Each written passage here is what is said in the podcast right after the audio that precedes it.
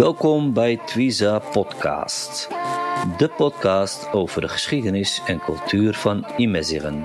Mijn naam is Abdeslam Oulat Sedik. Wij gaan in gesprek met schrijvers, muzikanten, dichters, historici en andere cultuurmakers over de geschiedenis en cultuur van de Imeziren. Beste luisteraars, welkom terug bij een nieuwe aflevering van de Twiza podcast. Ehm, het blijven bijzondere tijden. Ehm, de verkiezingen zijn geweest, wat ik in mijn vorige podcast zei. En we zitten nog steeds in een lockdown. Aanstaande dinsdag horen we meer. Of we de terrassen bijvoorbeeld open kunnen gaan. Ehm, ja, mijn volgende gast is ook een bijzondere persoon. hij is taalkundige hij geeft lezingen over straattaal en vertaalt poëzie en verhalen van MSR-auteurs. Zijn naam is Khalid Morer. Wij gaan praten over het levensverhaal van zijn opa, genaamd De Gast uit het Rifgebergte, is zijn nieuwe boek. Welkom uh, Khalid. Ja, dankjewel uh, Amsterdam. Hartstikke bedankt dat ik, uh, dat je, voor deze uitnodiging en ik verheug me heel erg op het gesprek. Ja, graag gedaan. Uh, ik ook. Ik, uh, allereerst uh, gefeliciteerd. Het is jouw debuutboek ook, hè? Dus daar ja. mag ik je best wel mee feliciteren natuurlijk. Dankjewel. Ja, nee, het is mijn debuut inderdaad. qua, nou, laten we het zeggen, het is in, in het genre van literaire non-fictie. Dus wat dat betreft is het mijn debuut. Ik heb natuurlijk hiervoor wel op academisch gebied het een en ander gepubliceerd. Dus ik heb ja, eh, op taalkundig vlak. Maar dat is natuurlijk wel, eh, dat zijn wetenschappelijke werken. Dus ja, ja, dat is denk ik net een andere genre, ander publiek. Uh, veel beperkt publiek natuurlijk. Het zijn technische, wat technischere ja. onderwerpen. Ja. Dus, maar dit is echt iets voor het grotere publiek, hoop ik. ja, nee, inderdaad. Ik ken jou al een, aan een tijd. En ja, jouw werk op het gebied van taal uh, is bij mij heel erg bekend. En ook bij een deel van onze, uh, van onze eigen mensen, inderdaad. Uh, kom bij de eerste korte vraag. Kun je inderdaad even iets kort over jezelf vertellen voor onze luisteraars die uh, Gelik Morig nog niet zo goed kennen? Ja, zeker. Ja. Ik, nou ja, laat, laat ik me even kort bij het professionele houden dan. Dus ik heb jarenlang bij de Universiteit Leiden gewerkt. Ik heb daar promotieonderzoek gedaan naar, uh, in 2009 begonnen met promotieonderzoek naar uh, een, een, kleine uh, MS-talen in het noordwesten van Marokko, heet de Gomara Berber. Mm -hmm. Daar heb ik dan, dat is een kleine taal die met uitsterven bedreigd wordt. Er zijn nog heel weinig sprekers, minder dan 10.000. En het worden er steeds minder. Um, ja. En ja, het, het, gebied was ooit uh, MSZ-talig, noordwesten van Marokko, noordwesten van de, uh, van, uh, dus het westen van de Rif, de Jbera.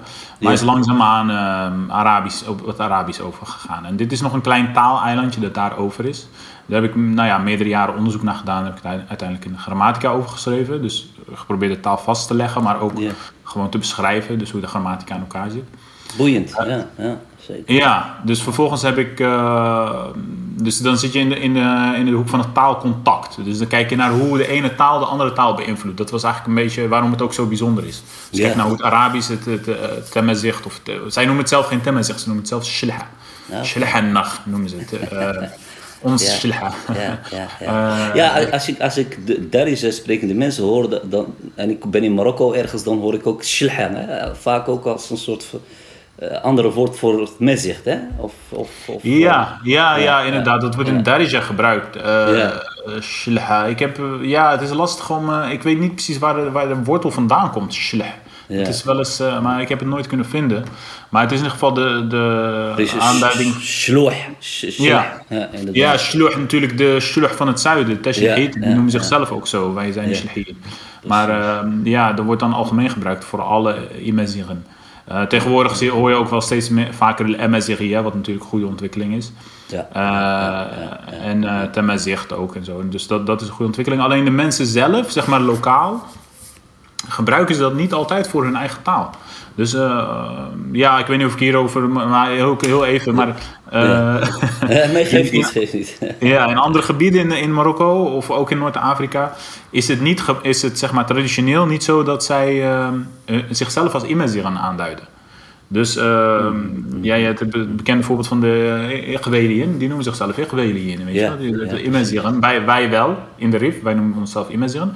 Ishlahien hebben zichzelf ook nooit Imaziren genoemd. En dat is op zich, op zich is dat wel... eh, nu tegenwoordig is dat wel gebruikelijker. Dus dat Ja. heeft zich wel verspreid. Dus, eh, nou ja, even, even een zijspoor. Ja, nee, interessant. Eh, ontkom je niet als je met een taalkundige een podcast gaat opnemen. Zeker. Nee, maar Nee, even, eh, eh, ja, als ik even, de- om dat af te maken, dus toen heb ik eh, mijn proefschrift geschreven en daarna ben ik doorgegaan op eh, straattaal. Dus ik heb onderzoek gedaan naar eh, Marokkaanse jongeren in Gouda, naar hoe zij het, eh, hoe het Nederlands van, door de Marokkaanse talen, vooral door de Berbers, door het Mezicht, wordt, eh, is beïnvloed. En dan vooral fonetisch. Dus Ja. waar, waar komt die z klank vandaan? Waar komt de sh vandaan? Hoe zit het met, eh, met de klinkers? Dus lange en korte klinkers, dat soort dingen. Dat soort leuk, leuk. Ja. Ja. Voor- Vooral met jongeren natuurlijk ook. Ja, ja. Ja, met jongeren gewerkt daar, ja. Dus en, ehm, en tegelijkertijd ook nog een, eh, een grammatica over het uh, geschreven, samen met Maarten Kostman. Dus Ja. dat is vorig jaar uitgekomen. Nou, mooi. samengevat, ja. Ja, mooi. mooi. eh, Ja. Het zijn ehm, ja, hele mooie activiteiten die je allemaal doet. En, en veel met taal, eh, inderdaad. Gerrit, wat ik doe is vaak even een korte intro doen over het boek. Of, of dat is een beetje de, de, de lijn van de podcast. En daarna begint ons, ja, ons interview. Dus ik ga een kleine intro doen. Ehm, in zijn debuut als schrijver duikt Gelit in het levensverhaal van zijn levensluchtige Rifijnse opa Ali. Maar het boek vertelt niet alleen het levensverhaal. Naast de anekdotes beschrijft Gelit zo nu en dan ook de historische en politieke omstandigheden waaronder zijn opa als kind opgroeit, trouwt, bouwt en migreert naar Nederland om daar een nieuw bestaan op te bouwen. De oversteek naar Europa was niet de enige reis die opa Ali maakte in zijn leven. Het boek begint in de jaren 50. Opa Ali was 16 jaar ongeveer en begon aan zijn eerste korte reis richting het stoffige en warme stadje. Zeeyo. Op zoek naar werk, op zoek naar een beter bestaan. Na deze reis volgen vele avonturen waar we in deze podcast over gaan praten met Khalid Morir. Nogmaals welkom uh, Khalid. Ja, dankjewel opnieuw. Ja, Goed samengevat, ja. ja dankjewel. Uh, ja, het was echt een uh, fantastisch boek om te lezen. Uh, um, herkenbaar natuurlijk, dat hoor je van heel veel lezers, denk ik. Ja, zeker. Ja, ja. Met mensen met een, een Marokkaanse Rifijnse achtergrond, die, die herkennen het inderdaad. Ja, ja inderdaad. Um, nou, hoe is het eigenlijk het idee ontstaan, Gerrit, om het boek uh, uiteindelijk te gaan schrijven? Ja, nou ja, kijk, ik had uh, zeg maar, uh, mijn opa is in 2010 overleden. Een paar jaar daarvoor heb ik samen met mijn tante heb ik opnames gedaan, gemaakt met hem. Dus we hebben wat interviews afgenomen. En dat was niet echt met een bepaalde bedoeling of zo. We wilden gewoon, ja, gewoon zijn levensverhaal vertellen. Hij was een hele goede verteller en hij hield altijd van vertellen. Was altijd de gangmaker in gezelschap en zo. Dus uh, ja. het was niet zo moeilijk om hem aan te praten. Ja, ja, ja. Je hoeft er maar een apparaatje bij te zetten en je hebt een mooi verhaal opgenomen. Maar ja, nou, die, niet... die, generatie is echt geweldig. Uh, ja, ja, dat is gewoon... Nou, ja, je kent het, ja. ja, je kent het. Ze gaan in een groep om bij elkaar te zitten, meestal met mannen of als er familie bij zit, dan ook met vrouwen. Ja. Ja, ja. En dan gaan ze gewoon uh, anekdotes vertellen vaak. Hè? Van dit is er gebeurd of dat is er vroeger gebeurd. Of dat is... En dit is altijd een beetje... Ja, het is altijd een beetje een chaotisch geheel. Hè? Het zijn, uh, je hebt niet een hele duidelijke chronologie of zo. Mensen beginnen niet bij A en eindigen bij Z. Dus het is gewoon, weet je wel, wat er in ze opkomt. En, maar hele goede vertellers. Maar waren, het waren echt leuke gesprekken als ik, als ik je zo Ja, het was hartstikke leuk, ja. Hij, ja. Mijn opa kon ook heel geanimeerd vertellen. Ja. Dus echt met gebaren en zo. En, ja. Dat is heel boeiend. Dus dan zat je gewoon te luisteren en af en toe stelde hij een vraag en dan kwam er weer een heel verhaal. Zeg maar. Ja, maar goed, ja, die had ik toen opgenomen en die had ik jaren eigenlijk, uh, die bestanden had ik bewaard. En die had ik jaren op mijn computer staan. Maar mm -hmm. Daar heb helemaal niks mee gedaan. En uh, toen ik een beetje aan het einde van mijn promotietraject, toen dacht ik van... Wat, wat ik eigenlijk wel deed, is zeg maar teksten uitwerken in het meezicht. Ja. Wel refijns. Dat doen ja. we dan als taalkundige, want we moeten een tekstcorpus hebben en dan kunnen we daaraan werken. En toen ging ik die teksten uitwerken. Ik denk van die tekst van mijn opa wil ik ook een keer uitwerken. Ik moet wel zeggen, ik vond het wel moeilijk om er naar te luisteren, zeg maar. Weet je wat was echt raar om zijn stem weer te horen, zo jaren na zijn dood. Zeg gaat weer terug uh, naar die tijd natuurlijk dat hij nog leefde. Hè? En dan ja. uh, is dat heel emotioneel natuurlijk ook. Ja, dus dat was, wel, dat was wel emotioneel. In het begin is het ook zo, uh, is dat heel raar. En dan, maar op een gegeven moment, als je dan vaak genoeg luistert, ja. dan ben je eraan op een of andere manier, weet je wel. Dat het, dat, en dan hoor je dat terug en dan vind je het eigenlijk wel mooi gewoon. Dus ik heb dat toen... ehm, maar ook ja, gewoon om die stem te horen, denk ik, is natuurlijk al. Ook om de stem te horen en de sfeer, weet je wel. Je bent er op, op een of andere manier aan. Ja, um, ja en toen heb ik de, dat, dat uitgewerkt, dus gewoon allemaal uitgeschreven. Mm -hmm. En uh, vervolgens vertaald. Mm -hmm. En toen dacht ik van, hé, hey, dit, zijn, dit zijn wel mooie verhalen, weet je wel. Misschien kan ik het uitwerken. Als ik er nou ook nog een beetje de historische context bij, bij zoek... Ja. dan zou er best wel iets moois uit kunnen komen. En dan kan ik zelf ook misschien wat meer van de geschiedenis begrijpen. Vanuit, dat, vanuit zijn perspectief. Yeah, yeah. Dat ik het zelf wat meer begrijp. Dus dat was eigenlijk een beetje de, het uitgangspunt. Mooi. Ja, ja. Uh, en zo, zo, heb ik het ook, zo heb ik er ook beetje bij beetje een paar jaar aan gewerkt. Weet je wel, het was geen. Ja, ik, ik, het was niet, helemaal niet de bedoeling om het uit te geven. Dus nee, ik was gewoon nee. uh, daar een beetje aan, aan het werken. Een, een, een, weet je wel, tussen mijn andere activiteiten door. Ja had je wat vrije tijd en dan, weet je wel, dan zocht je een boek en dan, uh, nou, het, van het een kwam het ander en toen... Uh... Ik herinner me nog dat ik, dat ik, sorry, dat ik je soms opzocht in Leiden, dat we een bakje koffie deden. En dan hadden we het wel eens ook, ook hierover, over die verhalen, dat we daar iets mee moeten doen. Want ja. wat, wat mensen niet weten is dat wij in het verleden ook met elkaar hebben samengewerkt. En ook met Mohamed Ramawi, die jij ook goed kent, filmmaker. Dat we toen ook wat mensen hebben geïnterviewd in die tijd. Hè? Dat... Uh, en ja, dus ze waren altijd al bezig, vooral jij was natuurlijk altijd bezig met ook die levensverhalen en met die taal. En, uh, dus ik was inderdaad heel benieuwd ook toen ik jou opzocht dan in Leiden van... Uh, ja, uh, er kwam dit inderdaad ook wel eens te sprake. Dat je je opa en, en de geschiedenis van ons, ja, van de RIF, van de oostelijke RIF. dat boeit mij ook omdat ik zelf ook een beetje uit die buurt kom. Mm -hmm. Dus dit weet ik nog heel goed, Gerrie, dat je daar heel erg mee bezig was. ook, ja. ja. Nou, je, je memoreert inderdaad aan de, de, de documentaire uh, Ons Moestuintje aan het Spoor. Dat wij, ja, die wij in 2009 hebben gemaakt samen. Ja, zeker, klopt. Met Armaoui en uh, Stichting Toize. Ja, en uh, nou ja, dat was natuurlijk heel mooi, die verhalen, weet je wel. Dat, dat zijn echt typische mannen, weet je, rasvertellers zijn dat. Ja, dat zijn ja, de type mannen zoals mijn opa ook was. Hè. Ja, inderdaad. Ja, ja, en, en, en die, ja, dat, dat zijn gewoon hele mooie verhalen. En eigenlijk denk ik, ja, nou ja, zeg maar aldoende, dan kwam ik erachter. Dan ga je natuurlijk opzoeken wat er al is. Ja, over van dat type verhalen. Dus wat hebben nou die eerste mensen, de eerste, zeg maar, de pioniers, de gastarbeiders genoemd. Sommige mensen vinden dat woord niet mooi, maar goed, laat ik ze maar even zo noemen. En die, uh, mm -hmm. die, de, wat waren nou hun, uh, wat waren nou hun, hun, hun verhalen? En dan ga je zoeken en dan kom je erachter dat eigenlijk uh, en dat geldt niet voor 100%. Er zijn wel eens complete verhalen uh, gepubliceerd. Volgens mij in de jaren 80. Ik heb nog één of twee boekjes gevonden uit de jaren 80 of zo. Waarin zeg maar, een heel compleet verhaal. Waarin zeg maar, een Marokkaanse migrant een heel, heel zijn levensverhaal vertelt. Okay. Dus die zijn er wel. Ja. Alleen het is heel beperkt. Dus als je gaat kijken naar wat er uh, nou ja, de laatste paar jaar is gepubliceerd. Dan zie je toch wel dat het, dat het altijd het, stuk dat in Marokko stuk in Marokko is altijd heel uh, beperkt. Dus het gaat altijd om de gastarbeiders kwamen en toen kwamen ze, nou ja, ze werden geboren in een dorp daar ergens en uh, waren dit ja. en dat. En toen kwamen ze hier aan in Nederland en toen ja. gingen ze werken bij die fabriek, et cetera, et cetera. Ja, klopt. Ja, dat is in heel veel, in, in veel publicaties waarin, uh, waarin de Marokkaanse migrant, Filipijnse migrant naar voren komt, zie je, zie je dat terug. Ja, ehm, waar het dan het echt zeg maar, vanuit het perspectief van de migrant is geschreven. Hè? Dus dat, de, dat diegene, dus de non-fictie, dus dat diegene dat zelf mm -hmm. vertelt. Mm -hmm. En uh, ja, daar kwam ik achter dacht van eigenlijk, weet je wel, dat is eigenlijk wel zonde, want die geschiedenis is ontzettend boeiend en heel relevant. Tot ja. vandaag de dag nog. Ja. Dus uh, waarom, waarom wordt dat eigenlijk genegeerd? Ja, is dat niet, is, zou dat kunnen zijn dat dat gewoon ook voor de Nederlandse lezer misschien niet zo interessant is? Weet je wel, misschien zijn zij echt pas geïnteresseerd. Um, wordt de, de, zeg maar, de gastarbeider, de migranten, de Marokkaan, de Rifijn wordt pas interessant op het moment dat hij in Nederland aankomt. Ja. Dan wordt hij relevant. Ja. Zoals hij relevant werd uh, op het moment dat hij in de fabriek aankwam en daar ging werken. Weet je?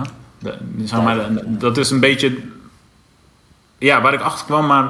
En, en je, je, je leest het ook in, in je boek, hè? je leest het in, in, in, het begin van je boek ook, dat je dat uitlegt van... Zo'n migrant heeft ook een heel verhaal. het is niet alleen hard werken in de fabriek, maar ja, waar komt hij vandaan? Hè? Dat is eigenlijk wat je ook zegt. Hè? Van, ja, de, dus toen, toen, uh, toen ben je wat meer gaan lezen over die geschiedenis. Uh, je hebt natuurlijk gesprekken gehad met, met, met je opa, uh, neem ons mee naar, naar, naar zijn geboortestreek, Gerrit. hij is natuurlijk, in het boek lees je dat hij in het dorp Louamel is geboren. Ja. In Eeth, Eeth Boyfro. Ja, klopt. Ja. Kun je een beetje over, over Louamel vertellen? Van, ja, nou ja, die term is misschien een beetje verwarrend, maar ik heb het ook een beetje, ja, nu ga ik iets verklappen, maar ik heb het ook een beetje opzettelijk zo gedaan. Ah, oké. Uh, het is een beetje de, het is de officiële eh, benaming. Uh, en ik weet ook niet helemaal of het goed gespeld is, want ik kon heel moeilijk de, de spelling achterhalen. Het is gewoon een heel klein dorp daar en het is er ook mee. Dus er zit er nog een ei tussen, maar ja, voor de, voor de weet je wel, dat, dat heb ik in het begin wel zo opgeschreven, maar later heb ik dat tegen het einde van Omer, het... is, is, is, dat, is dat van het woord uh, al-amal? Ja, ja arbeiders? Van, uh, arbeiders, ja. ja, ja. dat komt het oorspronkelijk. Dus het is wel Arabisch, maar verrefiniseerd, zeg maar. Ja, ja, ja. Is het. En uh, ja, het is een klein dorpje buiten uh, En ja, daar, daar, dat was toen een, ja, eigenlijk gewoon een boerendorp. Toen hij geboren werd, weet je wel. Dat was gewoon van die, van die aarde lemenhuizen hier en daar. En... Um, Zoals vele van die dorpjes daar in die streek. Ja, ja, ja, dus dat was de, weg uh, was er wel al, want het was in de, de Spanjaarden hadden al die weg al aangelegd tussen Ezran en Nador. Die, um, dus die, die, die, die was er al wel, maar ja, um, ja dat, dat, uh, de taxi konden ze niet pakken, want ze waren te arm zeg maar, om de taxi te betalen. Ja, dus nou ja, dat schetst gelijk al hoe, uh, in wat voor omstandigheden ze leefden. Dus het was gewoon heel arm, zoals het in het algemeen was. Klopt, dus uh, eigenlijk een beetje de redding die ik voor, het, voor dat gebied, dat specifieke gebied, uh, voor de arbeiders zelf, voor mijn opa, dan was dat de, de oeksteenmijnen daar, daar in de buurt waren. Ja, dus de, ja, de mijnen waarin ijzererts werden gewonnen.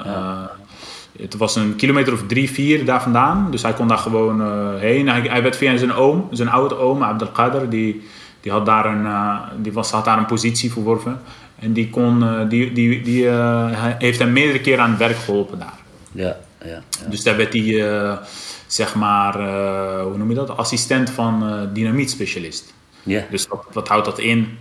Ik denk dat, de, de, kijk, de, de organisatie, de hiërarchie was zo dat het hogere kader was Spaans personeel. Dus alle specialisten, uh, wat we tegenwoordig managers noemen, uh, technici, dat waren, die, die, een soort van opleiding hadden gehad, dat waren allemaal Spanjaarden. Yeah. En daaronder, zeg maar, de mensen die al het werk deden, dat waren de lokale rifijnen. De rifijnen, ja. ja. Er waren, uh, zeg maar, gemiddeld waren het er iets van 2000 die daar werkten. Oké. Okay. Ja, en, 2000 en dat, Ja, en, en het waren ongeveer 2000 rifijnen. ja. En die kwamen dus allemaal uit die omgeving? Uh, uit de omgeving, ja. ja. ja. en die kwamen uh, allemaal uit de omgeving en dat was natuurlijk heel... Uh, sommigen kwamen heel, van heel ver, weet je, want die kwamen helemaal vanaf uh, Boejaver. Kwamen ze, dat is iets van 15 kilometer verder ja, of zo. Ja, precies. Kwamen ze lopend daar naartoe. Vanaf en de kust hadden... eigenlijk, hè? Van de Middellandse Zeekust. ja, ja, moesten ze richting het binnenland. En dan waren ze drie of vier uur onderweg, lopend. Zo. En die kwamen daar naartoe, uh, gingen werken. Een dienst, soms hadden ze, ze hadden, hoe heet dat? Um, ploegendiensten. Ja. En waren, gingen, waren klaar en gingen dan uh, weer terug naar huis lopen. Ja. En uh, tegen, de tijd, nou, tegen de tijd dat ze aankwamen konden ze eten, slapen en dan moesten ze weer opstaan om te gaan werken, om daarheen te lopen. Zwaar, dus dat was, dat was heel zwaar, ja. Dus mijn opa had wat dat betreft wel geluk omdat het dorp best vlak bij de mijnen lag. Ja. En ehm, nou ja, hij ging daar aan het werk uh, als, als uh, 14-jarige. En, uh, maar hij was een beetje een ondeugende jongen. Weet je wel, dus, ja, want, want hij is geboren net, net in 1936, hè, volgens mij. Ja. En, en dus op zijn 14e, dat betekent dus dat hij al in 1950 ongeveer daar Ja. ging werken. ja, dat klopt, ja. En dat was natuurlijk, we hebben natuurlijk die Tweede Wereldoorlog gehad, die hongerjaren. Uh, Ja.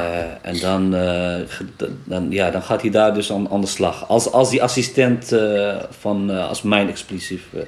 Ja, ja. ja dat, dat doet hij dan. Ja. Um, dan werkt hij daar een tijdje. dan leert hij dat een beetje hoe dat moet. Eh, en dan op een gegeven moment, eh, ja, dan soms dan, dan heeft hij er geen zin meer in. Nou, je weet hoe dat in, in Marokko gaat nog steeds. Ja, het is ook een jonge gast nog. ja, hij is heel 14 jong natuurlijk. jaar, 15.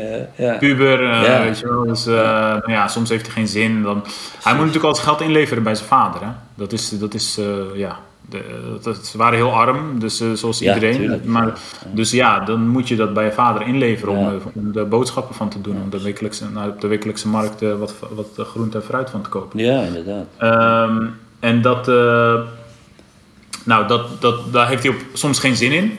En dan pakt hij zijn geld en dan gaat hij, dat geeft hij dan niet aan zijn vader en dan verdwijnt hij gewoon. gaat hij met de vriendjes uh, dan een plannetje om bijvoorbeeld ja, dan gaat hij naar Zeejoe. Dat is dan het eerste verhaal. En daar vertelt hij dan over. Dan gaat hij naar Zeejoe en dan gaan ze daar proberen daar wat geld uh, te, te, te, verzamelen. En hij zegt ook letterlijk in de opnames, wilden wil naar Zeejoe eerst. Ja. Om wat geld te, te verzamelen. Dan gingen we wat extra werken, zeg maar. Ja. En dan gingen we dat geld verzamelen om later naar Algerije te gaan. Ja, precies. Want in Algerije kon je meer verdienen. Kon je veel meer verdienen dan in de RIF. Ja. Ook meer dan in de Oeksendmijnen. Dus er was altijd een seizoensmigratie naar Algerije. Dat, dat is eigenlijk al heel vroeg begonnen. Ja, mijn vader is ook geweest uh, een keer. Klopt. Ik, ik, het herkenbaar. Daarom zei ik ook herkenbaar aan het begin. Uh, ja. Uh, ja. Heel, heel veel gingen daar naartoe. aan Sjaak, ja. Ja. ja, dus, het, is een, het, is een, het was gewoon een traditie. Dus de Rifijnen gingen vanaf het moment dat Frankrijk de Algerije had gekoloniseerd. Ehm, dus 1830 al, hè? dus niet heel lang daarna, een decennium of twee decennia daarna, zie je al dat er is er al bewijs dat de eerste refijnen richting, uh, groepen refijnen richting Algerije gaan om daar te werken. Ja, ja, ja, ja. Want die Fransen zeggen, ja, die Algerijnen zijn te lui om te werken, dus dan hebben ze liever buitenlanders, laat ik het ja, zo maar noemen. Ja. Mensen uit een andere regio, die, want die werken dan harder. Ja, ja, inderdaad. Nou, die gaan dan, um, die doen dan seizoensarbeid in de in de, in de druivenpluk, was het meestal geloof ik. Okay. En die, uh, die werken daar dan vanaf uh, mei ongeveer. En dan gaan ze oogsten tot, uh, tot september. En dan gaan ze weer terug naar hun dorp. Yeah. Sparen ze geld. Yeah. En heel vaak, David Hart heeft dat heel mooi geschreven, heb ik niet in het boek opgenomen. Maar dan zie je dat nou, dan sparen ze dat geld en dan gaan ze terug. Maar dan gaan ze op het moment dat ze teruggaan, dan, dan kleden ze zich heel goed, weet je wel. Dan uh, in een pak en zo. Ja, en, dan ja, ja, gaan ze onderweg, en dan komen ze onderweg met, met nette kleren thuis en zo. En eigenlijk zie je dat hetzelfde als met de uh, Europese migratie. Ja, dat ja, precies. teruggaan naar, naar Marokko. Dat ze wel even willen laten zien dat ze uit Europa komen. Dat was in Algerije god het eigenlijk ook. Ja, het is inderdaad uh, heel mooi om dat te zien dat, dat, dat, dat zich dat weer opnieuw herhaalt als, uh, als onze vaders hier naartoe komen. En dan weer uh, geen woord glima en reis terugkomen uit, ja. uit Duitsland. Of, ja. ja, dat weet altijd als een soort groot respect had je dan als je terugkwam met zo'n mooi pak en cadeautjes ja. meenam, et cetera. Inderdaad. Ja, zeker. Ja, ja het, het, is heel interessant wat je zegt. Ik heb bijvoorbeeld in een vorige podcast met Mohamed Bouzia, die jij ook kent, gesproken. En die heeft natuurlijk ook een documentaire gemaakt over het thema migratie, Anaaq. En daar vertelde hij dit, dit soort verhalen inderdaad ook. Dat mensen eigenlijk al, uh, toen Abdelkader al-Zazeri werd verslagen en, en het Algerijns verzet destijds uh, eigenlijk uh, ja, gewoon werd verslagen, namen de Fransen natuurlijk daar overal in, in 1830 wat je zegt en definitief 1844 volgens mij. Ja, dan kwam die grote landerijen, daar kon je natuurlijk veel meer geld verdienen. Dus dat begon die migratie toen al. Ja, dat beschrijf je ook inderdaad uh, heel mooi. Uh, want in Zeejoe, dat, dat is dan inderdaad, dat, dan komt hij daar, uh, daar vertelt hij heel leuk over. worden, worden ze ook weer opgepakt hè? Door, ja. door, door Spaanse soldaten volgens mij. En dan mm. belanden ze weer in, in de cel. En uiteindelijk worden ze weer na een paar weken losgelaten. Ja. En is, zijn ze weer terug in, in Nador. Hè? Dan komen ze weer terug in Nador. Ja, ja, ja, maar. En dan moet hij weer van zijn familie eigenlijk weer in die mijnen gaan, gaan, gaan, gaan werken, toch? Of, uh... Ja, nou ja, van zijn familie. Uh, of, uh... Dus dat was wel een druk zijn geweest, ik weet het eigenlijk niet precies. Maar ja, ja ga, hij, moet, hij moet gewoon aan het werk. Want er is gewoon niks anders, weet je wel. Dat is de enige, enige mogelijkheid die hij nee, heeft. Dan gaat hij weer even werken. Op een gegeven moment is hij dan weer zat. En dan, pakt hij, dan, dan besluit hij om naar Algerije te gaan. Ja. Dus dan gaan ze met z'n drieën, met, met, met een paar vrienden van hem, gaat hij naar, uh, gaat hij naar Algerije. Maar het, uh, het mislukt. Ja. Want eh, die, die... Dus nou ja, eerst heb je het verhaal van de Melouia, dus de, Ja. de rivier Meroest, zoals we in het met zeggen, zeggen we Meroest. Meroest, ja, Meroest, ja. Ja, Klopt. aan Meroest. Ik zeg Meroest. Ja, bij, tussen, tussen, eh, of bij Berken komt, eh, stroomt hij zeg maar de Middellandse Zee in. Ja. Maar die, dat was ook de grens tussen het Spaanse en het Franse protectoraat in die Ja. tijd. Dus de, dus, eh, tussen de Fra- eh, Spaanse en Franse eh, kolonisator. En je had dus papieren nodig om over die grens te gaan. Dus de, over de brug, de eh Meroest, om daar over te gaan had je dus papieren Je nodig. had gewoon een paspoort nodig eigenlijk. Ja, ja volgens mij een, een ID-kaart. Oké. Ik weet, weet het eigenlijk niet precies, maar Ja. in ieder geval papieren. Ja, precies. Alleen, ja, heel veel. ehm, heel veel ja, nee, wacht, je had een Franse idee had je nodig. Oké. Dat was het. Want hij had wel een Spaanse idee, Ja. een Spaanse identiteitskaart, maar Franse had je ook nodig. Maar ja, wat, wat deden ze? Heel veel refijnen gingen natuurlijk naar Algerije. Dus die hadden ze een andere route bedacht. Dus er was, er was sowieso had, had je de, de boot via Mrij naar, eh naar Ouaran. Voor, voor naar- mensen die het ko- konden veroorloven, hè? Die, die geld hadden. Ja, voor mensen die geld hadden, die Ja. gingen met, met, met, met, de, met de, zeg maar de pont, gingen ze van eh, de ferry, gingen ze van, van Melilla naar eh Oran. Ja. Eh, maar heel veel mensen die of geld wilden besparen of het gewoon niet hadden, die gingen lopend. Ja. Dus die, gingen, die gingen, hadden dan routes en er waren ook verschillende routes. Ja. Maar een van de routes was inderdaad eh, via Berken. Ja. En eh, dan had je dus de Meroest en die moesten ze oversteken. Ja. Dat had geen idee. dus dan, moet je, dan, gingen, dan gebruikten ze dus ofwel ze, gingen, ze werden naar de overkant gesleept in een soort van eh, manden. Weet je wel, dus dan moest je in een mand gaan zitten en de overkant ja, slepen. Mensen konden natuurlijk niet zwemmen. Nee, klopt. Ja, dat lees je ook over, je ging- over jouw opa inderdaad. eh.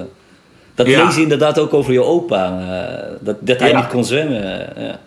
Nee. En, eh, of, ofwel ze sprongen, of ze gingen op de rug bij iemand. En dat waren dan zwemmers. En die zwommen naar de overkant. En dan, ging je, dan betaalde je moest je op de rug. Ja. Dus hij kwam halverwege de rivier kwam die, eh, kwam die aan. En toen zei die man van als je me niet eh, meer geeft, dan, eh, laat ik je, dan, dan laat ik je vallen. Ja. Dan verzuip, ik je, verzuip je gewoon. Er werd ook gewoon massaal misbruik van gemaakt. inderdaad. ja, we hebben natuurlijk misbruik van gemaakt. dus eh, ja, toen heeft hij natuurlijk gezegd van ja, ik geef je al mijn geld eh, als je me maar laat leven. Ja, precies. En eh, nou ja, toen heeft hij dat bereikt. Maar in Oujda, dat kun je in het boek ook verder lezen. Eh, nou ja, er gebeurt er nog van alles en dan worden, ze, worden, worden de vrienden opgepakt. Dus hij bereikt uiteindelijk Algerije niet. Nee, precies. Hij is, eh, het is ook heel onrustig in die periode. Want ze Ja, worden in de trein opgepakt en eh, blijkbaar heeft hij een aardappelmisje bij zich. Of, of een, eh, en, dat, en ze worden meteen gezien als verzetsmensen of zo. Ja.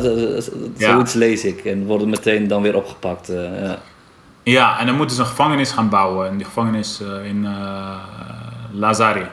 In de Lazare, wijk in, in, eh, in, Moesde. in.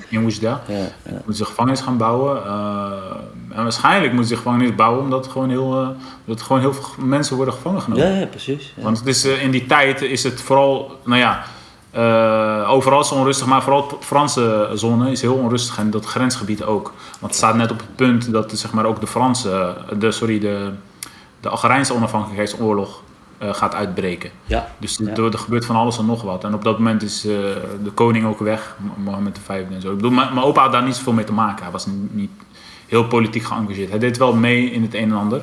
Ja, Maar eh, het was heel onrustig. Dus ze ja pakten dat was een hele onrustige tijd. Hele onrustige Ja. tijd. Ja, ja. Dus ze pakten lukraak mensen op, gooiden ze in de gevangenis. En dan moest maar blijken of ze schuldig waren of niet. En zo. Dus het was een beetje chaotisch. Ja. En ehm, hij komt in de gevangenis terecht. En uiteindelijk eh, ontsnapt hij samen met, een, eh, met zijn vrienden door de, door de muur op te blazen. Door een raampje. Oké. ja, omdat hij ook zeg maar daar... nou ja, je kunt het in het boek verder lezen. Maar Ja. hij ontsnapt op die manier. Ja. Eh, eh, hebben ze dat zelf gemaakt, die bom? Of, eh, of, of, Nee, want eh, hij, hij moet dan zeg maar, eh, ze moeten, ze moet, hij heeft twee vellen, eh, die heeft hij in zijn papier gedaan. Of sorry, twee vellen papier, die heeft hij in zijn zak gedaan toen hij uit, eh toen hij uit Rome vertrok naar Algerije.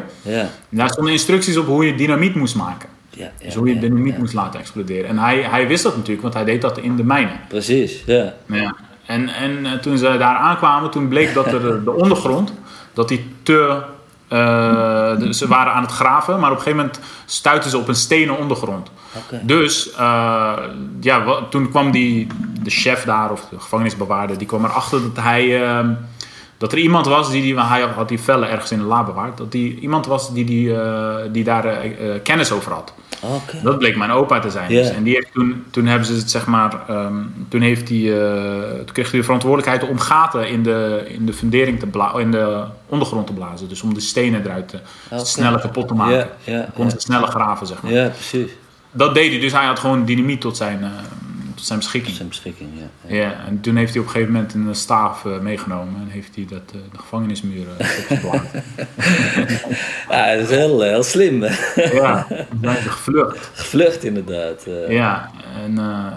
Nou ja, het was gewoon overleven natuurlijk. Ja, je moet, je moet weg. Ja, ja, het was deels overleven. Ik bedoel, hij had ook gewoon rustig in de mijnen kunnen werken. En, maar ja. hij was natuurlijk ook gewoon een jonge, uh, impulsieve man. En, uh, ja, ja. Uh, ja, hij ging gewoon, uh, ja, als, als hij iets ergens zin in had, dan deed hij het gewoon. Ja, precies. Als vrienden zeiden, kom, we gaan Algerije, weet je, want daar kun je veel. Nou, is goed, gaan we gaan morgen. Ja, ik ga dit doen en dan. Ja, ja, ja natuurlijk, jonge geest. Uh, ja, wat je zegt. Uh, ik denk dat hij toen 17 was of 18. Ja. Ik bedoel, ja, ja.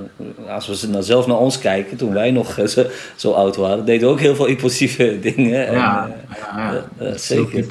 En op een gegeven moment komen ze toch weer terug uh, in, in Nador en uh, in de omgeving uh, van, van, jullie dorp. En dan ziet hij daar op een gegeven moment rijen staan. Hè? Het allemaal rijden bij Rigolaris. Maar misschien kun je iets, iets vertellen over Rigolaris. Mensen die hier nooit wat over hebben gehoord. Of, Ja, uh, regularis, ik ben daar, um, de laatste keer dat ik in Marokko was, 2019, ben ik nog geweest. Oké. Okay. Uh, alle, alle staat er nog, dus het is een uh, lege kazerne. Ja. En dat is eigenlijk de, de eerste, het is eigenlijk de basis van de stad Nador.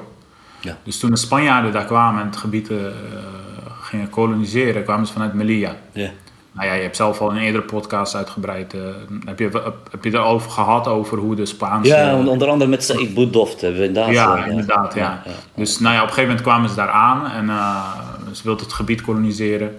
En toen hebben ze, dan ga je natuurlijk met het leger. Ga je, ah, dat beschrijf jij trouwens ook, hè, die historische context. Wat je net zegt, beschrijf je ook heel mooi over met Mohammed Amzian inderdaad. En hoe dat allemaal, uh, het verzet van de lokale stammen, et cetera. Ja, dus ik ben er niet al te diep op ingegaan. Het is geen, niet een puur historisch boek. Dus, maar ik heb het wel even genoemd. Nee, zeg maar. precies. Je, je ontkomt er niet aan. Nee, je, moet, het hoort gewoon bij de geschiedenis. Ja, dus je ja, moet, je moet het. Uh, ja. En uh, nou ja, goed, die Spanjaarden komen daaraan. Die, die, die bouwen dan dat stadje, dat, uh, die wijk.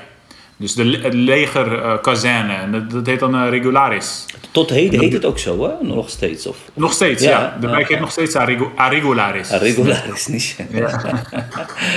en, uh, dit, dit, staat er nog steeds allemaal. Een beetje, ja, het is een beetje bouwval, een bouwval. Zeg Vervallen, maar. dus, ja. ja. Dus het is. Uh, maar er wonen nu. Uh, ik heb het idee dat er heel veel Lerabiërs wonen. Dus mensen uit uh, andere gebieden die daar. ja, dat is een soort van kraken, zeg maar. Het is misschien net bewoonbaar of net niet, ik weet het niet. En er is volgens mij wel elektriciteit zo, maar ziet er heel. ja, het is vies. En dus het is. Maar goed, het staat er nog steeds. Ja, en, ja, ja. En dat is regulaas nummer 2, hè? Uh, of, ja, nummer un juge. Nummer 2, ja. Ja, nummer un juge is het. Ik weet niet waarom ze zeggen juge, maar ja, zo, zo, noemen ze het. Ja. En uh, nou, dat, dat, was toen in die tijd dus de, de Spaanse de legerkazerne, dat was het Spaanse leger zat daar natuurlijk. Ja. en daar kwam die op een gegeven moment aan en ik kwam uit Merij. Mm -hmm. Na een, weer een paar dagen een avontuur. En dan kwam daar aan en meldde zich aan. Om het leger in te gaan, gewoon zomaar. Weet je wel? Omdat hij niet. Ja, eigenlijk omdat hij gewoon niet de confrontatie met zijn vader aan wilde thuis. Dat was het vooral, hè? ja. ja. Want zijn vader was. Hij zei, wat. Want hij had al zijn geld weer opgemaakt en zo. Weet je wel. Dus niet, ja. Hij dacht dat en hij had misschien. Ik weet het niet of dat zo is, maar misschien had hij daarvoor al gehoord dat er dat, er, uh, dat je daar uh, het leger in kon gaan. Dat en zijn moeder was natuurlijk ongerust, een paar maanden weg geweest, et cetera. Ja. Ja. ja, toen ging hij daar, heeft hij zich aangemeld, werd hij soldaat. En het ging even goed, maar op een gegeven moment kreeg hij er weer de pest in. En toen ja. deed hij zeg maar alles om de boel te saboteren en het leger uit te, te, komen. Maar dat gaat natuurlijk niet zo makkelijk. Het leger is een heel hiërarchische organisatie, de discipline tonen en je kan niet zomaar weg, en et cetera, et cetera. Dus, dat was weer een heel avontuur om daar uh, uit te komen. Ja, ja, ja. uiteindelijk is het hem wel gelukt, met hulp van, met hulp van zijn opa. En ja, toen heeft hij zeg maar nou ja, het was de bedoeling dat hij wat geld ging verdienen, maar uiteindelijk heeft hij, uh, zijn ze nog, uh, moet hij nu nog geld terugsturen, geloof ik. Ik geloof uh, dat hij nog 26 dollar moet, in de min staat. Oh, oké. dus hij is met een kleine schuld weggegaan. ja, ja. ja, geweldige anekdotes, hoe, je, hoe je dat beschrijft. En dan, misschien Karasi Magab net zo heet het naker. Op een gegeven moment, ja, merkt de familie ook, ja, misschien moet hij gaan trouwen. Hè? Dan, gaat hij met jouw oma trouwen, uh, Fadma. En, en, uh, en dan, uh, ja, je zegt het ook heel eerlijk hè, in het boek. Je zegt, ja, trouwen, dat was ook op een gegeven moment iets wat, wat je dan ook wel gewoon deed. Of hè, dat je luisterde dan naar je ouders of naar je vader. En die had hem goed. Hij, had, hij had in eerste instantie iemand anders op het oog. Dat lezen we. En dan op een gegeven moment was dat toch niet zo'n hele geschikte huwelijkskandidaat. En toen kwam. Werd, werd Fatma eigenlijk voorgesteld. Mm. Kun je misschien haar, haar een beetje kort beschrijven van, van jouw oma? Hoe, hoe, wat was dat voor een vrouw precies? Ja, nou ja, het was gewoon een soort van typische Rivijnse dorpsvrouwen in die tijd. Dus je moest, ja, er waren heel sterke sociale normen. Dus uh, hoe een vrouw moest gedragen en wat ze moest doen. Maar niet alleen sociaal, maar ook economisch altijd. Dus ja. is een, ja. ja. de omstandigheden dwongen je gewoon. Je moest, je moest op het land werken. Je moest, vrouwen gingen natuurlijk altijd met de akkebush ja. Ze water halen. Dus ze moesten elke dag... Ja, er was geen, er was geen stromend water natuurlijk. Ja. Dat, dat, soort dingen hadden we niet. Ja, was een soort kruik, hè? Een soort... Ja. kruik waar je water in kan doen, ja. Ja, ja. ja, een kruik die ze dan op de rug deden. en, uh, en dan uh, gingen ze bij in, van de ferre, dus van de waterbron. Ja. En, een paar, ja, misschien een kilometer verderop of zo moesten ze water halen. Ja, ja, ja. En wat heel typisch was voor, voor de RIF, en dat is nog steeds zo, is dat, het, dat er heel weinig water was. Ja, klopt. Dus, uh, ja, als die verhalen horen, dan zeggen ze, ze moesten altijd uh, soms heel vroeg opstaan. Om, mm. En dan kwamen ze daar aan bij de waterbron, stond een hele rij. Ja, in die tijd al, hè. Ja, omdat het gewoon, omdat het water gewoon heel schaars was. Herkenbaar. Dus dat was altijd een heel gedoe. ook ruzie en zo bij de waterbronnen, et cetera, et cetera. Dus er was, er was heel weinig water. En dat ging ook een beetje van, uh, van de periode af natuurlijk en zo. Maar ja, en, en het één dorpje was, was iets meer, uh, ja. was iets dichterbij bij de bron dan het andere dorpje inderdaad. Uh, dat ook. Ze heeft, dat, dat, afhankelijk van heel veel regen natuurlijk. ja. ja. En dat, nou ja, dat en moesten ze, hoe heet dat, gras plukken voor de dieren. Oh, ja, ja, afhankelijk van het seizoen, andere werkzaamheden, graan malen. Ja, ja, ja. Nou ja, van alles nog wat. Ik heb het dus eigenlijk. Uh, maar het was gewoon. De hele dag was je bezig. Ja, dus, ja, ja. met je kinderen natuurlijk. En, uh, ja, Dus het was, het was wel een zwaar leven. In de zin van uh, fysiek veel arbeid. Ze had ook een koe die, die ze moest ja. hoeden. Ja. Dus die moest dan ook naar de, naar de graslanden worden gebracht. Uh, dat was natuurlijk ook vaak ver, vooral in het droge seizoen was dat moeilijk. Ja. Nou, die hadden ze ook. Dus uh, ja, er was veel bezigheid. Ze hadden, uh, zeg maar, op die manier was je Ze hielpen mee in het huishouden. Om, om het, ah, ja, zij deden het huishouden. Ze deden het huishouden, hè? Draaiden het hele huishouden, ja. En dat was natuurlijk zwaar werk. En, Eigenlijk kun je zeggen dat heel veel van die dorpjes op elkaar lijken. En dat ze vaak ook gewoon zelfvoorzienend zijn. En met elkaar uh, dus eigenlijk gewoon het rooiden, om het zo maar te zeggen. Thweeze, eigenlijk uh, is ook met verschillende, verschillende dorpsgenoten en families. Uh, ja, nou ja, Thweeze, dat, dat is iets specifieker. Ja. heeft meer te maken met in het oogseizoen. Dat, ja, dat ja, ja. Nee, dus dat ze samen gaan oogsten. Dat is waar. Dus omdat zeg maar, het graan snel moet worden geoogst op een bepaald punt, ja, ja, ja, dan kun je er niet te lang over doen. Dus dan moet je met een hele groep samen moet je dan snel gaan oogsten. dat, dat noemen ze dan Thweeze. Ja, uh, maar dat andere, zeg maar, ja, dat waren gewoon de dagelijkse werkzaamheden. En dat, dat, dat hoort er gewoon bij om, iedereen, uh, om iedereen te voeden. Dus brood, brood, uh, brood bakken, Broodbakken, ja. ja, ja, In het hefpoint in een zo'n leme oven. Ja, uh, nou ja, ik heb het, het hout daarvoor verzamelen. Het hout daar, sprokkelen daarvoor, sprokkelen, et cetera. Dus ze worden, worden met dageraad worden ze al wakker. Dus om vijf uur s ochtends. en dan gaan ze hout halen, et naar huis brengen. de oven aansteken.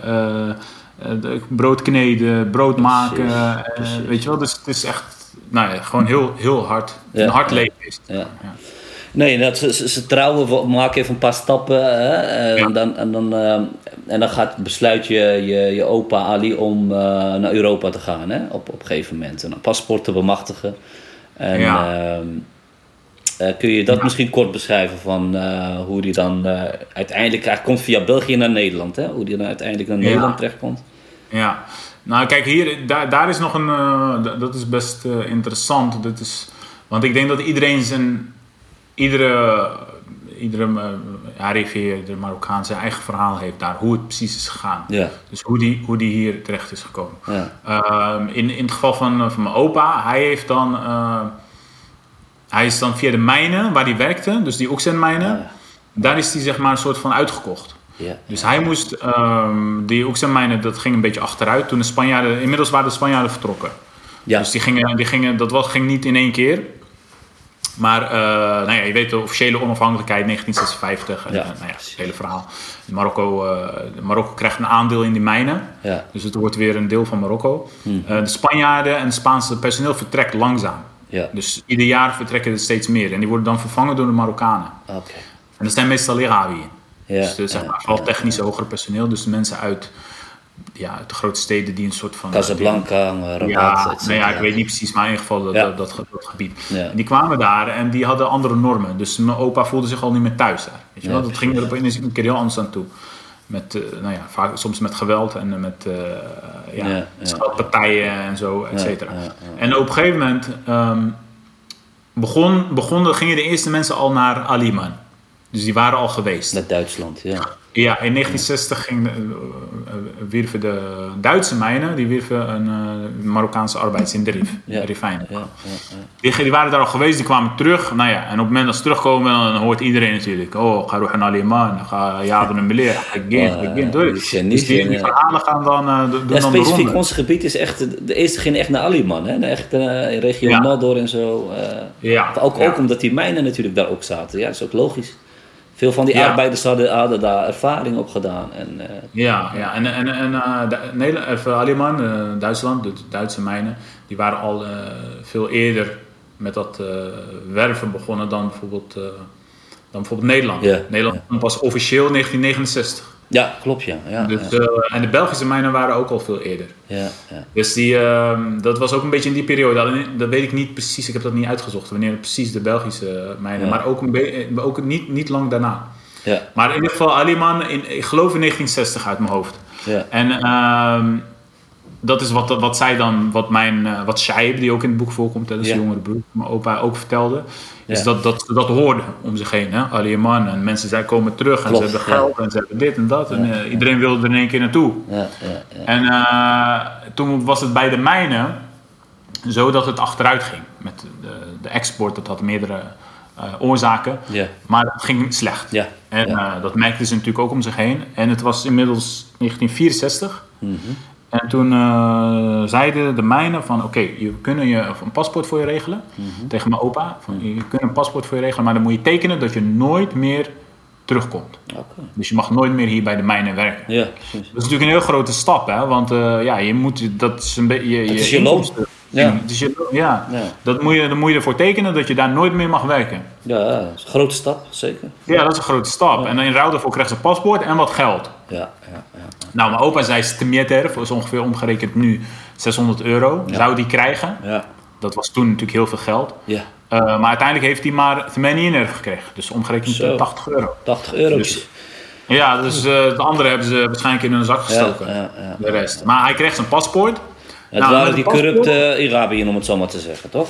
Nou, ook kun je mij zeggen hoor. Ook kun je mij Die, zeggen. eh, ja, ja, hij corrupte Een lijn, eh, bekende, bekende Nadoriaan, eh Moro heet hij. Oh ja. En Die, eh, die, had een groot, die had een cementfabriek en die deed allemaal andere dingen ook. En die, die regelde dat samen met de, met het, eh, met de Oxenmijnen, dus met de, Ja, met de Spanjaarden. Ja. En, en met Luimelle. Hij had dan ook weer contact bij Luimelle. En onderling regelden ze dat. En die gaven hem, de, weet je wel, de paspoorten die kwamen dan van, van hem. ja, ja. ja, Eh, en, en ze moesten tekenen en dan konden ze weg. Ja, ja, En dan ja, werden ze zeg maar uitgekocht. Ja. Nou, dat gebeurde. Toen had hij zijn paspoort. En eh, je moet niet vergeten dat het eh, een- om een paspoort te krijgen in die tijd. Daar hoor je de die oude mensen ook nog over. Het paspoort was echt heel moeilijk te bemachtigen. Klopt. Marokkaans paspoort. Ja, Dat ja. was een, eh, daar moest je een astronomisch bedrag voor neerleggen. Ze alleen mensen in pak, zeg maar, die konden een paspoort krijgen.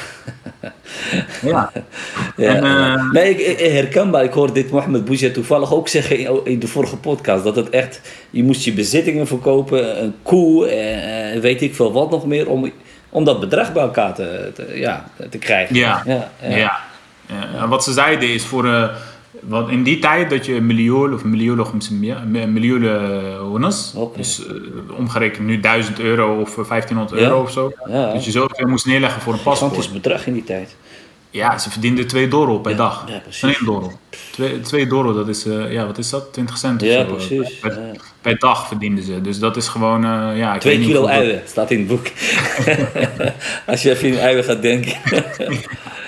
Ja, zoiets. Dus dat was onmogelijk voor een normale arbeider Ja, of, iemand die helemaal geen werk had. Er waren natuurlijk heel veel werklozen ook, die, om dat te bemachtigen. Ja, Dus die moesten al hun land en eh, bezittingen, et cetera, verkopen om een paspoort te bemachtigen. Nou, voor mijn opa ging dat dus via die fabriek, maar hij moest dan via de mijnen en hij moest dan zijn, eh, zijn, contract, zijn eh, contract opzeggen en beloven dat hij nooit meer bij de mijnen terugkwam. Ja. En dan kreeg hij het paspoort. En met het paspoort kon hij dus gewoon naar West-Europa. Dus zo is Ja. dat bij hem gegaan. Mooi, mooi. Ja, en dan komt hij uiteindelijk in Utrecht terecht. eh, en, dan, ehm, ja, en dan ontmoet hij daar ook weer allerlei andere eh rifijnen. En eh, ja, ja, beschrijft dat ook mooi. Hè? Dus, dus als, als de eerste gastarbeiders aankomen, dan, dan spreken ze natuurlijk de taal niet. Kun je misschien één anekdote vertellen over die tijd, bijvoorbeeld in Utrecht, eh, eh, van, in die fabriek? Want je, er staan natuurlijk een paar anekdotes, een paar leuke verhalen, maar vooral over die uitbeiting is misschien wel interessant, denk ik. Dat- Ja. dat, eh, Ja. Nou, dat is wel interessant dat het gelijk in het begin gebeurt. Bij de, dus het interessante is dat hij aankomt in Utrecht. En eigenlijk gelijk, dat is ook heel typisch. Dat Ja. hoor je ook in al die verhalen terug als je met, met, de, met die oudjes eh, spreekt. ja. Is dat ze gelijk geholpen worden. Dus eh, ze komen aan en de volgende dag staan ze al in de fabriek. ja, precies. En zo ging dat eigenlijk ook bij mijn... eh, Dat is genoeg werk. Ja, Ja, dus hij, hij zag een paar Grieken en Spanjaarden op het eh, station. ja. Een stationsrestauratie, hè, waar Marokkanen nog steeds bij elkaar komen. Ja, Eh, klopt. Ja. Ja, Spanjaarden. en Grieken zitten en Ja. eh, hij sprak ze aan in het Spaans, want hij sprak natuurlijk Spaans. Hij was met ja, Spanjaarden opgegroeid. Dus, eh, en die zei van ja, die meneer kan wel iets voor je regelen, de uitbater. Nou, die uitbater die belt gelijk arbeidsbureau. En hij kon gelijk langskomen. Ja, en de ja. volgende dag werd hij al naar de, de Demka-fabriek gebracht. Ja, ja, ja, ja. De Demka-fabriek, dat was een, eh, dat was een fabriek in, eh, die, eh, dat was een ijzergieterij. Die maakte staalproducten. ja, ja. En eh, een beetje zoals in IJmuiden. Hoogovens. Hoogovens, ja. Ja, ja, ja. Dat was heel vergelijkbaar. Het, was ook, het, was ook, het is ook volgens mij later deel van Hoogovens geworden. Oké, ja. Inmiddels is het, bestaat niet meer hoor. Ja, het is in precies, ja. 1983 tegen de grond gegaan. ja. Maar hij kwam daar terecht en ehm, dat was ook een fabriek die bekend om stond dat er heel veel gastarbeiders werkten. Dus Ja. er werkten Italianen, Spanjaarden. Ja. Eh, in die tijd begonnen ook de Turken te komen. Ja. Dus toen waren er ook Turken, maar ook Grieken, Joegoslaven, van alles gewerkt daar. En natuurlijk ook gewoon, ja, ook Nederlanders die daar al traditioneel Ja, werkten. tuurlijk. Ik kwam daar aan en ehm, ze waren heel erg op zoek naar ja, arbeiders, want het was een moeilijke. eh, eh, dus ze begonnen buitenlandse arbeiders aan te trekken, vooral in die, in die industrie, in de zware industrie.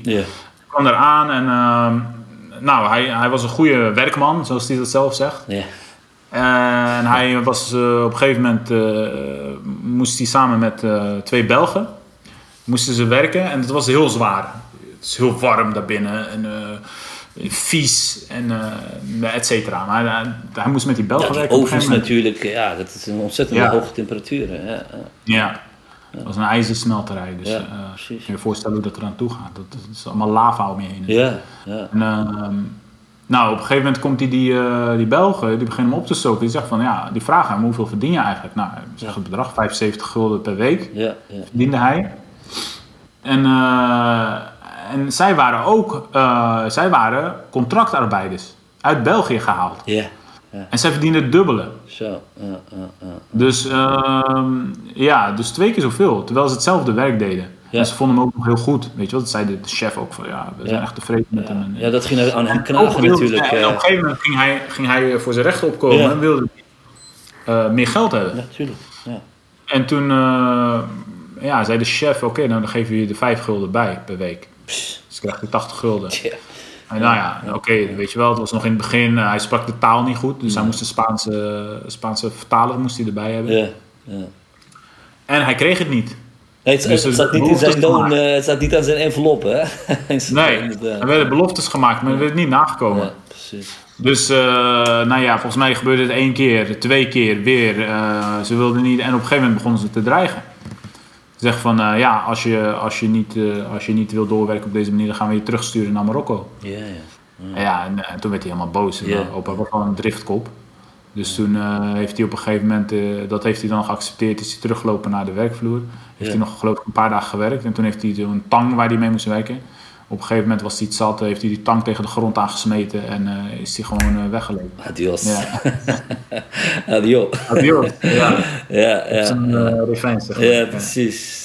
Mi cavo la leche, eh, riep hij. Dus dat is, Ja, ja, ik ga dat niet vertalen, maar het is een scheldwoord.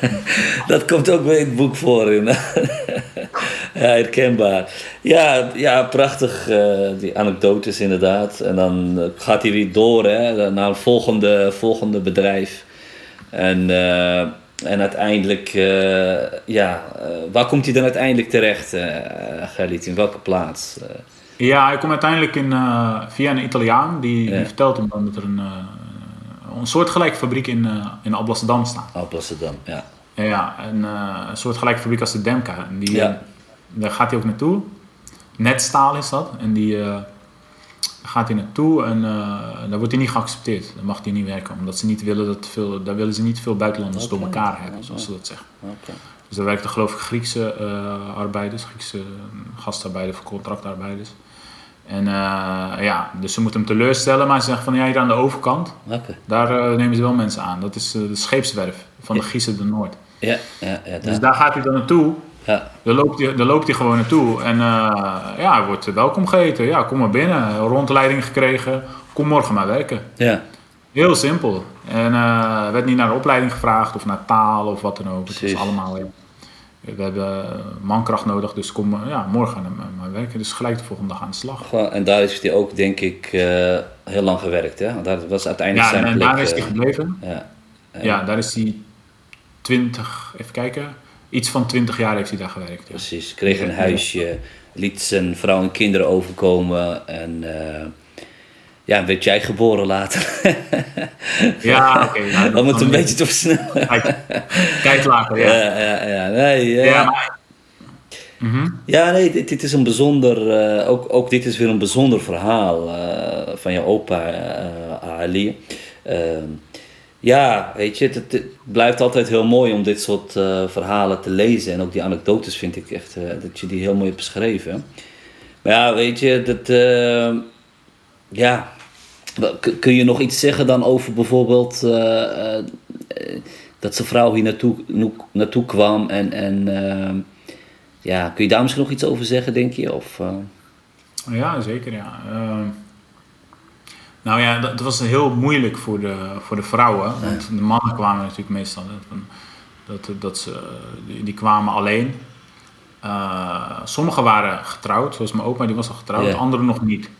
Want wanneer kwam Maar jouw oma, eh Gerrit? Precies. Sorry?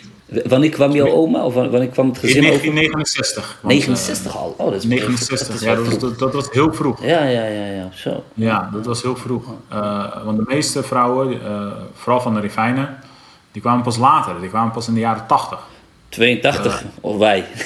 ja, Ja. dat is echt... eh, En dat is, ja, eh, ja, heel veel Rifijnen kwamen pas later, vanaf de jaren 80 zie je ook terug in de cijfers. klopt. Dat, eh, dat er dan in één keer veel meer Marokkanen in Nederland komen. In die Ja. in begin jaren 80. Ja, mijn vader had altijd het idee om weer terug te gaan. Taxibedrijf, je kent die verhaal weer, om daar in Nador een taxibedrijfje op te richten met, met zijn broer. En, eh, maar eh, Ja. uiteindelijk kwam er daar niks van terecht natuurlijk. Nee. En, eh, Nou, ze hebben heel lang, eh, dat is het ook, eh Rifijnen hebben heel lang hun, eh, de gezinshereniging uitgesteld. ja, ja, precies. Dus eh, ze kwamen hier, Ja. jaren 60, sommige eind jaren 60, be- begin jaren 70. Eh, en en eh, toen gingen ze gewoon op en neer. Het was eigenlijk een beetje de continuering van de Algerijnse manier van migratie. Dus ze kwamen hier, Ja. als man ging je dan hier werken en dan ging je, ging je op, op, op bezoek bij je vrouw Ja, en je kinderen in, in Marokko. En ondertussen kreeg je dan steeds meer kinderen als je eh, op en neer eh, ging. Weet je wat, ja, erop had je weer een kind ja, bij. ja klopt. ja. Zo ging dat ook bij ons, ja. Ja. En, en, die, die, eh, de- en die kinderen daar, die groeiden dus eigenlijk... Ja, dus ze zagen hun vader alleen in de vakantie, zeg maar. Klopt. Dus dat is ook een, weer een interessante, interessant verhaal. Dat is een ander verhaal. Ja. En ehm, ja, dus in de Refijnen zie je pas, zeg maar, begin jaren 80 beginnen ze hun de gezinshereniging eh, echt. Dus dan, Massaal daarvoor gebeurt het, gebeurt het al hoor, maar dan gaat het echt massaal. Ja, klopt. Ja. Dan zie je in één keer van, oké, we het is een zo'n beetje definitief dat we hier toch blijven. We moesten een keuze maken van, Ja. gaan we nou terug of niet? En ze worden natuurlijk ook al wat ouder. Ja, ja, ja. Dus dan, gaan ze, dan nemen ze hun, eh, hun vrouw en kinderen meestal hierheen. Dus nemen, eh, ja, laten ze overkomen. Bij mijn opa was het heel vroeg, een vroege uitzondering al, 1969. En hij is daarbij geholpen door de fabriek. ja, ja, ja. De fabriek heeft daar eh, heel erg bij geholpen. Dus het was geen overheidsinterventie. Nee, het eh, huisje kreeg hij van, eh, van eh, via, het, via de fabriek eh, hebben ze hem geholpen Ja. aan een woning. Ja. Ja. Ja, dat was privébezit van de fabriek, Ja. eh, die huizen. Ja. En die huizen die waren al waren oude, oude dijkhuizen in Papendrecht, dus net een dorpje daarnaast. Ja. Die, die had de fabriek al heel lang in bezit. Ja. En er woonden ook al andere ehm gastarbeiders. Er woonden Spanjaarden, Italianen. Ja. Die woonden daar Ja, al. inderdaad. Hadden ze van die huisjes. En ik, mijn opa kreeg daar ook een huis. Exact. Ehm, ja. en, en eigenlijk op het moment dat je dan het gezin overhaalt... Ja, dan heb je definitief de keuze gemaakt voor blijven. Ja, ja, ja. ja. Eh, Weet je wel, ook al speelt het idee nog in het hoofd van, van veel van die mensen. Van eh, ja, we gaan terug of ik ga, ze, ik ga mijn kinderen daar laten opvoeden. Want, eh, nou ja, je weet wel Ja. de redenen. Dan Ja. leren ze daar eh, de taal en Precies, dan leren ze de- ja, het geloof en de cultuur. En hier worden ze European, dan worden ze Hollanders en et cetera. Dat idee eh, heerst natuurlijk een heel sterk in Ja, ja, ja, ja. En eh, ondanks die ideeën zie je toch dat... Sommigen hebben het uiteindelijk wel, hebben dat wel gedaan. Maar ondanks die ideeën zie je toch heel vaak dat, dat, ze, dat ze toen moesten blijven. Ja, Want ja. ja, je kinderen gaan naar school. Je bouwt hier een leven Ja, op. dan, je raakt dan is het echt, dan- eh, wat, je- wat je al zegt, dan is het echt, dan heb je je nestje over laten halen, dan is het echt een beetje definitief eh, geworden. Je kinderen gaan op, Ja. ja, naar school en eh, ja, doen nog mee met, met de samenleving. ja, maar ik heb besloten om, om, het, even, om dat af te maken, dat, dat verhaal besloten om daar te stoppen, zeg maar. Dus 1969, dus vanaf het moment dat die komt. En dan, eh, ja, toen dacht ik van, oké, dit is eigenlijk wel een eh, de periode waarin ik geïnteresseerd ben. En ook de periode waarin er heel veel gebeurt. Ehm, dat heel relevant is, ook voor de rest van de gemeenschap. zeg maar. Ja, ja, ja. En waar ook best wel veel, ja, waar ook niet heel veel over bekend is. Ja, ja, klopt. Eh, ja, dan stop ik het daar, maar dan kom ik even later, zeg ik nog wel even, een soort van, heb ik een soort van terugblik van hoe is het nou verder gegaan met de, met de fabrieken waar hij bij werkt. Ja, ja, ja. Eh, ja. Dat, dat, schrijf je inderdaad ook over. We laten dat ook eh, aan, aan, aan de lezers om dat te gaan ontdekken. Koop vooral het boek, eh, want we kunnen natuurlijk uren praten, Gerrit, maar we zitten alweer bijna aan de uur. Ik wil je nog Ja. een paar slotvragen stellen, want eh, ik ken je als, als taalkundige, als academicus. En eh, nu ben je toch een, een vlak, een nieuw terrein opgegaan. Hè? Dus, dus eh, of het levensverhaal van je open te schrijven. Hoe, hoe, hoe, hoe heb je dat ervaren eigenlijk, nu achteraf? eh, om echt...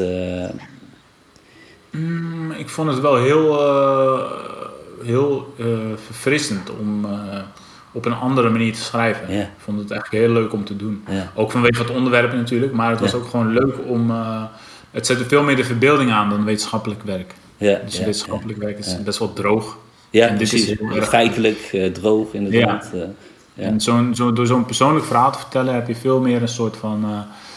ja, je geeft veel meer... eh, het wordt veel levendiger. En emotioneler. eh, ja. Emotioneler. En, eh, ja. dus het is misschien, ja, ik denk wel geschikt voor een, voor een breder publiek. Ja, Nee, maar het was, het was vooral, ik vond het vooral heel leuk zelf om te doen. ja, Dus dat was eigenlijk een beetje mijn... mooi.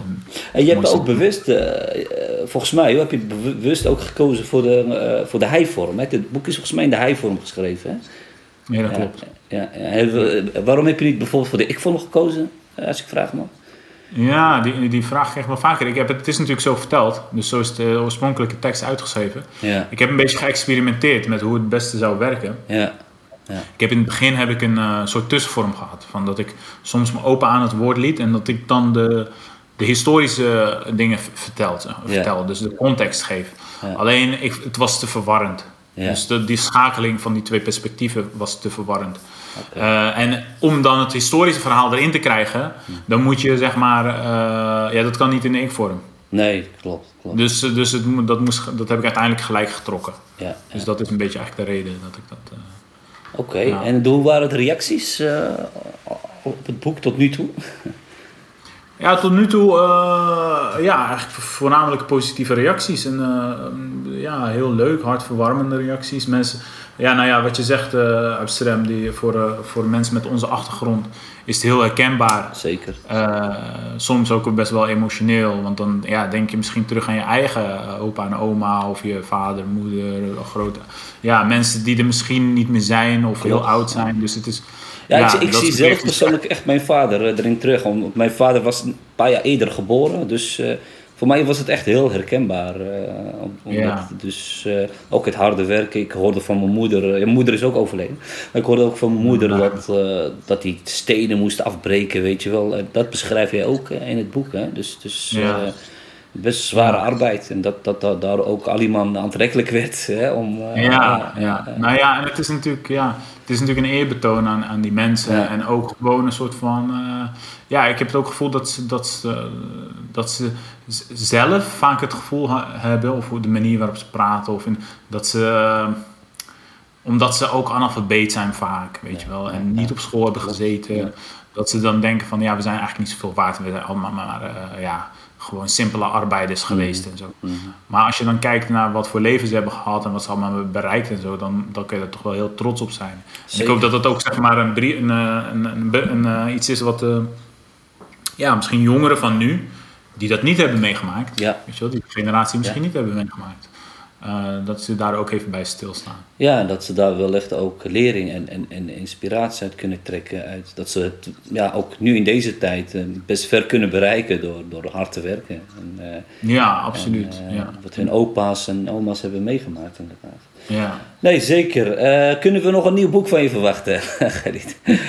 ja, zeker. Uh, ik weet dan niet wat voor boek en wanneer. Uh, ja. Op het moment is, het nog niet, is er nog helemaal niks concreets of zo. Maar ja, zeker. Ja, mooi, mooi, mooi.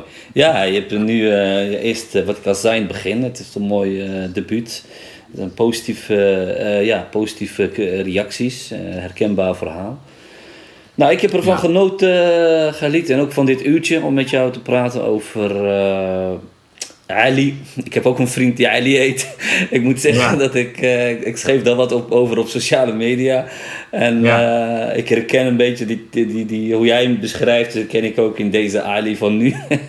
oh, okay. ook een beetje een humoristisch karakter, levenslustig en impulsief het kenmerkt wel een beetje de mensen van, van de RIF, denk ik. En ook eh, hard werken.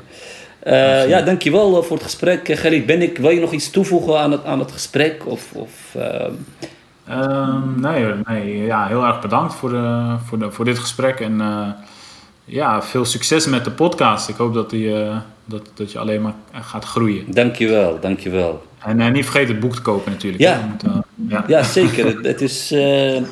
Nogmaals, uh, een, een, uh, een, een, mooi boek. Uh, Gelit Moerig, de gast uit het Rifgebergte. ja, koop het boek en, en lees het. het kan gewoon bij de lokale boekhandel hè, gekocht worden. Of, of via internet, denk ik, Gelit. Dus, ja, koop lokaal online is de hashtag tegenwoordig. Helemaal dus, goed, helemaal goed. Loka online bij je lokale boekhandel. Ja, ja, ja zeker. ondersteun Gerrit door het boek te kopen. En we willen graag meer meer van onze mensen, uh, dat ze meerdere initiatieven gaan ontplooien, zoals, zoals Gelly dat heeft gedaan. Dan kunnen we ze weer uitnodigen voor de podcast en, en een mooi gesprek mee houden. Afek ja. Gerrit, Afek Romet. We gaan even kijken hoe we dat met deze podcast gaan afsluiten. Misschien met een mooie gedicht. Dan gaan we kijken. We hebben gelukkig heel veel dichters uh, die veel werk hebben gedaan in Nederland. Daar heb je ook een bijdrage aan geleverd, Gerrit, onder andere, door de vertalingen. Dus dan sluiten we de podcast met een gedicht af. Dank voor het luisteren en een hele fijne dag allemaal. Er is een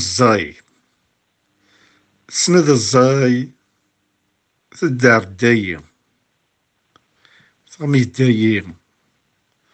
ما الشاك ما الشم دار الزيام تدار كذا تزيوضي دار الزيم تدار كذا تزيوضي تزوقين متششعن أورني نمذمان تدار ثينو الزيسان نذني عمار سوار قطين جارنا في مران واش يدورا مريضا غير قحن. أورينو ورينام وكدوا زربتا أورينو وورينام وكدوا زربتا أخمم ذيام ذا سيتا من تيوشا.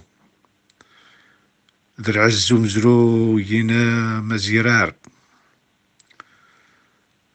شمت دارس من يعدان روخ من ديتسن.